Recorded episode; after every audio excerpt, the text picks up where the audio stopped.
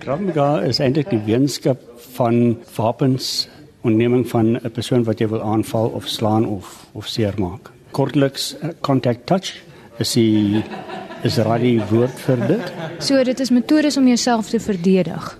Dit is reg, ja, en dit is baie metodes want uh, 'n persoon kan nou hier kom met 'n mes of 'n pistool of 'n geweer of 'n stok. Kortliks moet jy jou vyand afvat binne 6 sekondes. As jy langer as 6 sekondes vat, dan is dit te lank. Dan het jy 'n kans om hierdie klein geveg te verloor.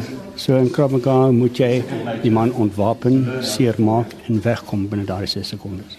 Interessant van die Krav Maga filosofie.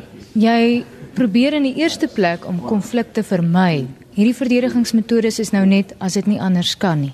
As jy die tegnieke toepas, dan pas jy dit doelbewus toe om seer te maak om jouself te verdedig.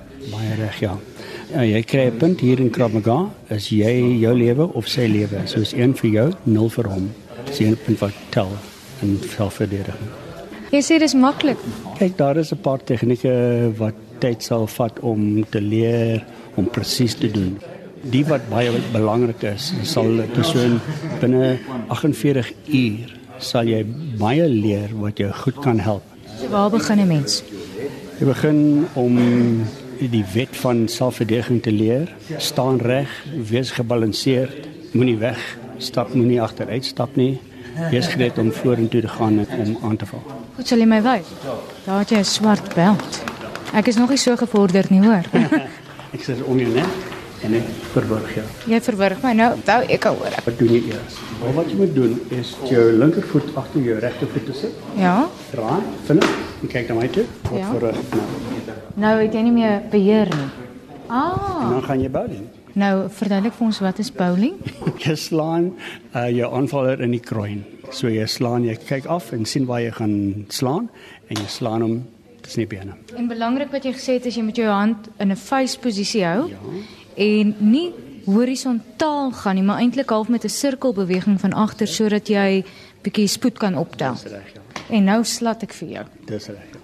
Net vir die rekord vir oefen sessies. maar ken nou nie regtig so akkuraat nie.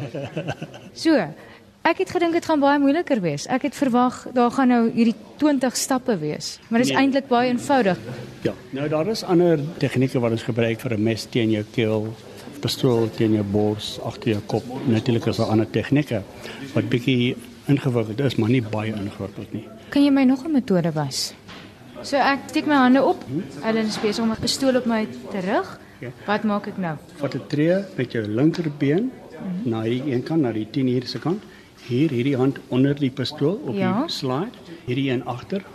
En maak jy 'n sirkeltjie tussen net na my gesig toe en dan af.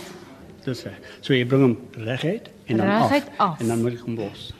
Ek sien. Want dit is te seer vir my om hom te hou. Doen dit weer. Goed. Hande op. Ek sit my voet by die 10 uur. Regterhand onder die pistool, linkerhand agterop hmm. en ek stoot hom agtertoe, druk hom onder toe. Nou het jy die pistool. Nou het ek die pistool.